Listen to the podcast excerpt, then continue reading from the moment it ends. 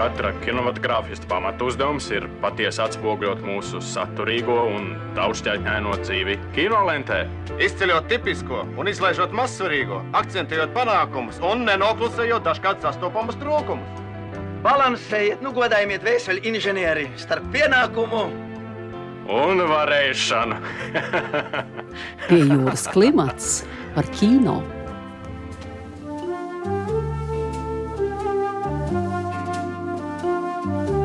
Esiet sveicināti pie jūras klimata klausītāji.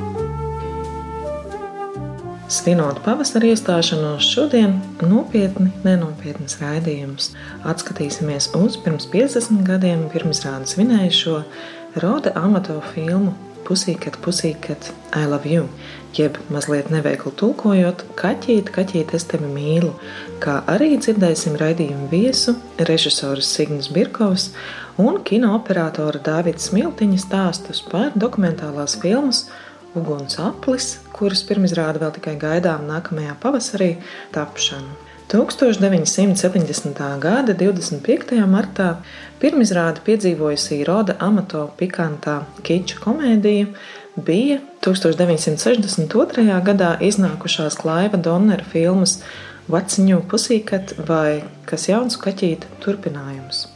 Šī agrāk tapusī filma varēja lepoties ar visai zvaigžņotu komandu.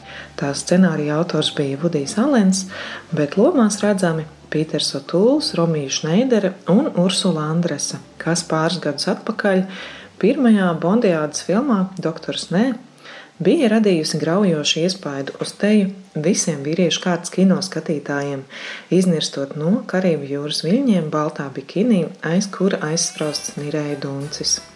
Tieši šai filmai tapa tūdaļ dzirdamais Toma Džonsa iedziedātais hīts, ko sarakstīja Bērts Bakaraks.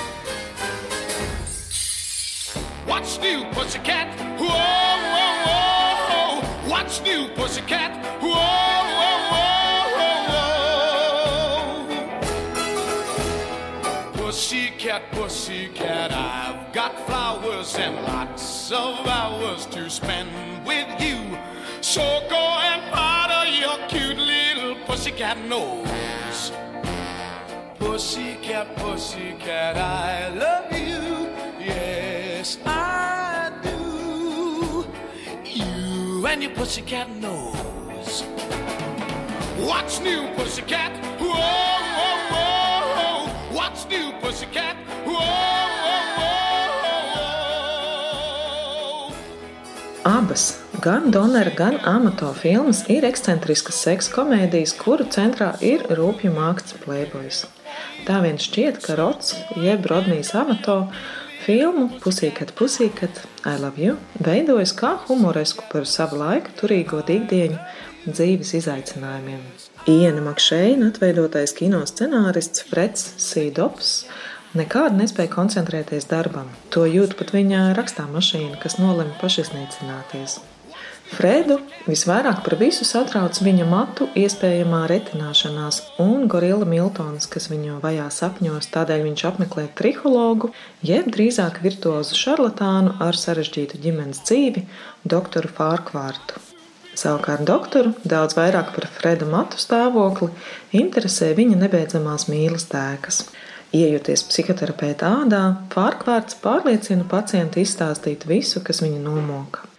Turpmākais filmas sižets mēģina izsekot Freda Sīdopsa un viņa sievas mīļākās, gadījuma mīļākās asistentes, istabenes un vēl virknes citu apburošu dāmu attiecību peripetijām dažādās luksusu villās, Romas telefonu būdiņās, ekstravagantās mājas ballītēs un pat činačitas, slavenās Itālijas filmu studijas spageti vesternu dekorācijās. Lai vēl vairāk uzkultu erotisko un komisko ainu kokteili, arī Freda sieva ar eņģelisko skatienu Millija, ko atveido Anna Koldera Maršāla, nolēma meklēt savu liktenīgo vīrieti ārpus laulības. Uz šo vakāns labprāt pretendētu Holivudas filmu zvaigzne Čārlijs Harisons ar skatuves vārdu Grants Granīts. Šajā lomā redzams izskatīgais Džons Gevins, tolaik filmējies jau gan pie Alfreda Hitchcocka, gan Stanley Kubrika. Šeit pārspīlēt amizanto personāžu vidi varētu turpināt, tomēr vislabāk filmas atmosfēru spēs nodot tās komponista Leilo Šifrina enerģiskais skaņdarbs Flashing Lights.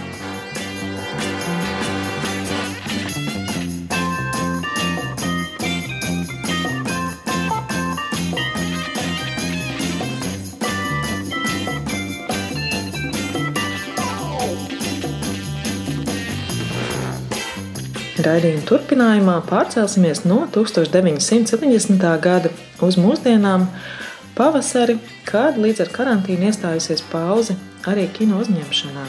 Tādēļ mums radusies iespēja sarunai ar vidusfilmu studijā topošās dokumentālās filmas Uguns aplis veidotājiem - režisoru Signu Birkovu un operatoru Dāvidu Smiltiņu. Uguns apļu varoņi ir diezgan eklektiska un harizmātiska kompānija jauneklīgā teātra apvienība Quadrifrons 1888. gadā celtā Rīgas cirka ēka, kas glabā dažne dažādus stāstus un atmiņas, kā arī pasaules slavenais klauns Slava Polūņins.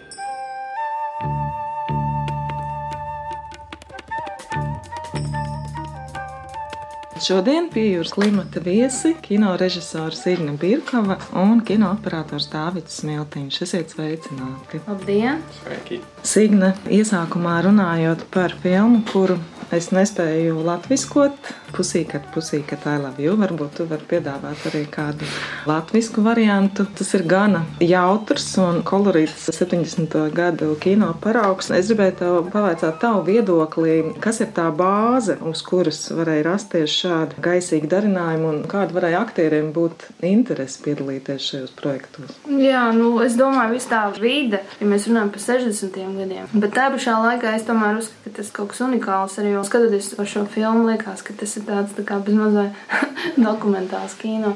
Tas vieglums, kādā veidā ir mizanscēns savā pilnīgajā psihedēlijā realizēts, rada iespēju, ka pašsaprotami tas tā uzrādās. Ja padomā, ko tas nozīmē, kāds darbs ir jāiegulda, lai izspēlētu šādu cēnu. Es domāju, ka viņiem bija jautri filmējot šo netulkojamo filmu nosaukumu. No aktieriem, protams, ir interesanti tāda klaunāde. Tas izstāsta pēc improvizācijas, runājot par to galveno varoni, Ienu Makšēnu varoni. Bet um, kas to lai zina? Kādā veidā viņi ir nonākuši līdz šādam galvu rēbinošam gabalam. Šī filma ir visai maz izrādīta, tāda neliela izrādīšana piedzīvojusi, lai gan tā tomēr piemīt diezgan, manuprāt, ievērojams izklaides potenciāls. Kā tev šķiet, kādēļ tās nav kļuvušas tik populāras, kā, piemēram, vēlākā Austin Powers filmu sērija, kura nenoliedzami ir ietekmējusies no šīs filmas? Nu, šī filma nav tik viegli nolasāma. Šis sadrumstalotais narratīvs, kurš nemitīgi aprājās un skatītājs tiek izgrūsts ārā no komforta zonas, neraugoties uz to, ka šie notikumi ir tādi pilnīgi vaiprātīgi un odiozi. Būtībā līdz pat filmas beigām var apšaubīt jebkādas noteiktas atbildes uz jautājumu, par ko bija šis stāsts. Kas to laik varēja būt šīs filmas mērķa auditorija? Tur tomēr ir vairāk vai mazāk zināma aktieri, tur ir svingojošā Roma, tur skan uh, Toms Jones, ir variācija par Tomu Jones. Noteikti visi Tomu Jones fanis, dažādu psihodēlo vielu fani, nu, un sauda bija kino izpausmi fani, es domāju. Bet, nu jā, tas nav kas gabals, tas ir pilnīgi skaidrs. Viens no šīs roda amato filmas kolorītākajiem personāžiem ir Gorilla Miltons, kurš, lai gan ir Gorilla tēviņš, viņš runā ļoti skaistā sievietes balsī. Un tas mums tā... Gender fluid. Jā, tas mm. tāds ļoti interesants tēls. Un droši vien šo mēs varam izmantot, lai pārietu pie nākamās tēmas, kas ir saistīta tieši ar abiem mūsu šī raidījuma viesiem. Tā ir topošā filma Uguns aplis, kam Signe režisora, un kas ir saistīta ar cirku vēsturi. Un es gribēju vaicāt Signe, cik sena ir Uguns apļa vēsture, kad tu saprati, ka šeit būs filma? Pirms diviem gadiem nejauši nonākot cirkā, man manās rokās nonāca tāda bunģa 3,5 mm filma, kuru ieskanēja, un tur atklājās burvīgs materiāls, burvīgi briesmīgs, ar četriem tīģeriem, kuri bija spiesti lekt cauri ugunsaplim. Tā ir filma no 50 gadiem, kas nofilmēta pat Rīgas cirkā. Nu, toreiz Mārtiņš Čibers man izvadāja pa cirka telpām, kādas viņas izstījās tajā brīdī, un Tas, protams, bija arī ļoti iespaidīgi mm, sajust to Rīgas cirka auru. Un tajā brīdī nenotika nekādas mūsdienīgā cirka performances, tika labota ārējā siena, restaurēta. Viss bija tādā robežu stāvoklī. Nu, tas man lika padomāt par to, kā mainās domāšanas paradigmas, un par to, kas vēl nesen tika pieņemts kā norma un izklaidējoši, tagad tiek uzskatīts par kaut ko tādu neētisku un tā tālāk. Bet šis filmas, es domāju, pamat ārka, viņi ir diezgan pamatīgi transformējusies. Un brīdī, kad es iepazinos ar teātru kvadrifronts dalībniekiem, kuri arī aptuveni tajā pašā laikā sāka savus aktivitātes Rīgas cirka telpās, eventuāli izveidoja skatuvi, zirgstālī, kur mēs pirms tam jau ar Dāvidu bijām nofilmējuši, kā tas zirgstālis izskatās. Tagad um, tur ir skatu kvadrifrānam. Un tad uh, kļuva skaidrs, ka filma būs par radošo garu, kurš manifestējās caur kvadrifrānu aktieriem. Un uh, šajā filmā būs dažādas. Um, Vēl sižeta līnijas, un stāsti un komentāri. Tāds vizuāls komentārs no pasaulē atzītā un ievērojamā klauna Slāvas Palūņina, pie kur mēs filmējām pagājušajā gadā vasarā. Viņa dzeltenajās dzirnavās viņš laipni piekrita dāvāt mums savu laiku un savu vīziju, ko nozīmē būt aktieriem un šamanim. Un um, dokumentāla filma tas ir tāds dzīves organisms, kurš pats veidojās. Protams, var uzrakstīt kaut kādu scenāriju, bet tas ir savādāks process. Un ir jāļauj, lai kaut kādas uh, vibrācijas ienāk no ārpuses. Dokumentālas filmas veidošanas process nevar būt ielikts kaut kādos ļoti, ļoti ierobežojošos rāmjos. Filma pati aug un aiznes dažreiz mūsu kaut kādos virzienos, kur mēs nebijām plānojuši būt. Bet tā tēma ir klātesoša. Es domāju, mēs mēģinām vizualizēt lietas, kuras būtībā ir netveramas kaut kādā mērā. Šis dārsts, kurā filmas tīzerī redzams klauns Slava Poloņins, tas ir viņa izveidots. Jā, tā ir leģendāra vieta. Tur tas ir vairāk nekā parks. Kvadrātkilometrs pilns ar dažādiem objektiem, kāda nav nekur pasaulē. Un viņš ir izveidojis šo vietu, bet pie viņa brauc kā uz svētceļojumu cilvēki no visas pasaules. Sākot ar māksliniekiem, kas izveido kaut kādas instalācijas, un beidzot ar cilvēkiem, kas vienkārši sapņo aizbraukt pie viņa, nopļaut viņam tur zāli, tāpēc ka viņš ir viņiem spirituāla autoritāte un iedvesmotājs. Un šī vieta arī, protams, ir ļoti īpaša līdz ar to. Nelielā fragmentā no filmas Kacekļa mums ir iespēja dzirdēt, ko par cirku un teātri saka pats ugunsapļa varonis Slava Poloņins. Театр Teātris bija kā rituāls. Tajā bija klātesoši divi elementi - maģiskā puse un estētiskā. и эстетическое. То есть меня радовало, Tas man удивляло. iepriecināja un izbrīnīja. Tāpat laikā tas man savienoja ar visu, ar laiku, telpu un bezgalību. Pārfrazējot, tie bija vārdi, kas ļāva izkļūt no ikdienišķā kosmiskajā. sūds. Aktieru profesijas būtība ir sakoncentrēta mītā par klaunu. Viņš spēja visu. Es spēlējos ar pasauli, un šī viņa spēle ir gan naiva, gan vienlaikus bezgalīga. Dāvidas tev gribēju vaicāt, kā šīs filmas operatoram un droši vien arī zināmā mērā filmas vizuālā stila veidotājam, kādēļ tieši graudains attēls un kādēļ video? Tur nav tikai tas, ka vienkārši graudains attēls, tur ir vispār viss tā estētika, kas nāk kopā ar to 16 mm formātu, jo, nu, skaidrs, tur ir grauds vairāk jūtams un manāms, bet tur arī pats attēls ir mazāks attēla formāts. Protams, ir digitālās kameras ar 16 mm izmēru sensoru sensoriem. Tās visas aberācijas un viss tas krāsu dziļums, kas kinolentei ir vienkārši pārāks kaut kādā mērā vēl aizvien digitāliem. Pat ja izšķirtspējā digitālais nu, jau tā kā apsteidz. Bet, nu, kurā gadījumā tas negluži graudainais, tas vairāk tas viss attēla struktūra, kas nāk ar uh, kinolenti, kas ir svarīga. Un uh, par video, nu, pirmkārt, tam 16 mm lentei ir tāda nostalģiska sajūta klāt jau attēlā un tam betakamam, plumbikonam, kas ir tāda veca video kamera, kas vēl neizmanto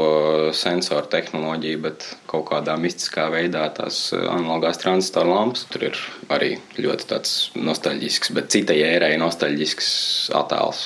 Un ļoti mūsdienām, manuprāt, nepierasts. Jā, no mūsu uh, izvēle kaut kādā veidā arī sakrit, ka mēs secinājām, ka ļoti daudz tā saucamās vēsturisko notikumu ilūziju filmas, kur tiek paģērāts princips, ka ir vēsturiski notikumi pārnesti kaut kādās mizanscēnās un inscenējumos. Pārsvarā tie ir filmēti uz digitāliem formātiem, ar mūsdienīgiem kamerām, ar Aleksām. Un tā kā mēs veidojam filmu par jauniem cilvēkiem un par tagadni, fokus ir uz Latvijas tagad, to kā cilvēki rāda Latvijas tagadnē.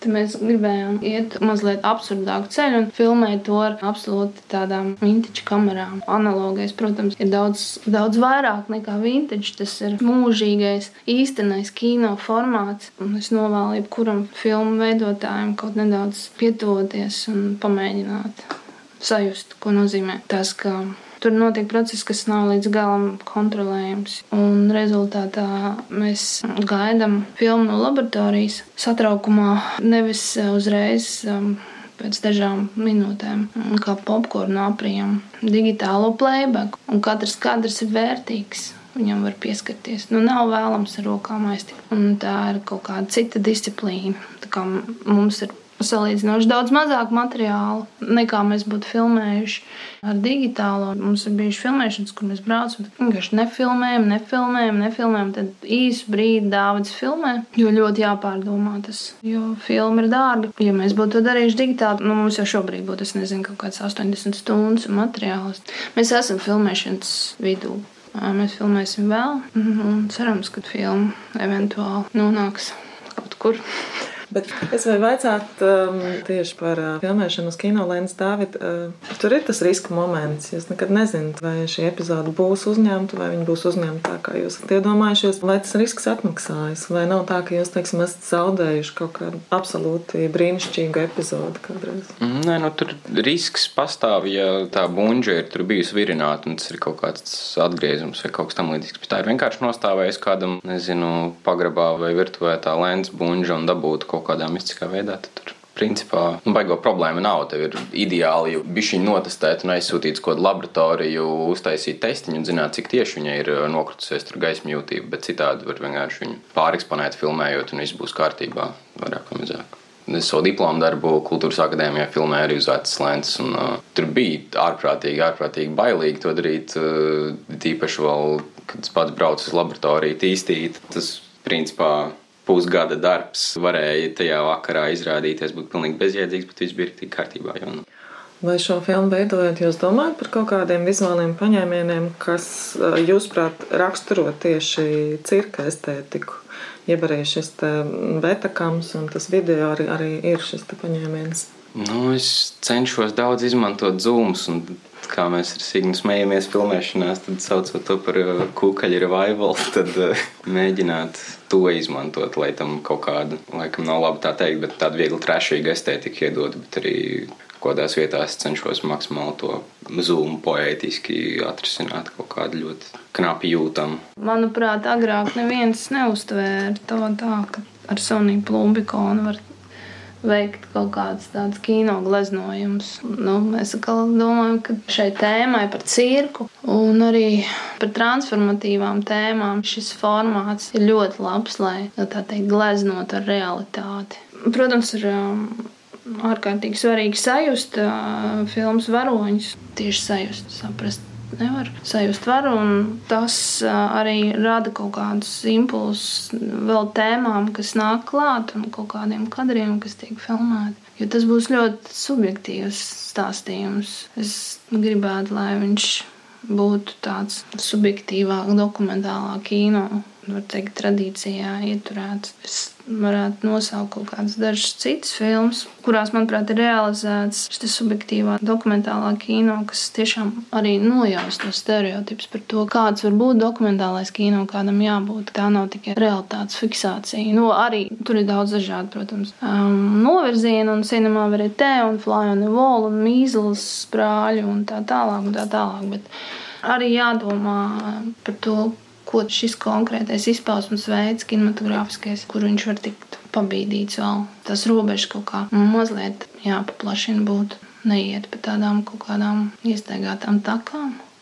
Nu, šis pavasaris, protams, ka ieviesīs korekcijas ļoti daudzos filmēšanas procesos, bet vai jūs paši esat priekš sevis nosprauduši tādu kā termiņu, kad šai filmai būtu jābūt gatavai? Jā, nākuši gadu pavasarī būtu jābūt. Es gribētu tā. Nu, tad jāvēl jums veiksme. Paldies. Mums visiem veiksmi. Jā, visiem veiksmi. Visiem veiksmi. Un tad jau tiekamies nākamā pavasarā. Cerams, kinoteātros, nevis traumēšanas platformās uzreiz. Jā. Cerams, ka piedzīvosim īstu dzīvu pirmizrādi kinoteātrī. Paldies par sarunu! Raidījumā viesojās režisors Zigna Birkova un kino operators Dārvids Smeltiņš. Paldies!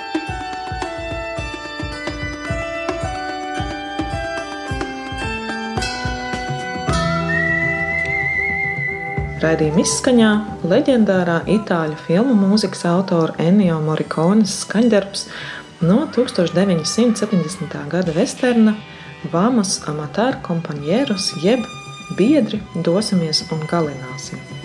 Raidījumu vadīja Sonora Broka un Monteja Judīta Bērziņa, pie jūras klimata producenta Inga Saksone. Raidījums tapis ar valsts kultūra kapitāla fonda atbalstu.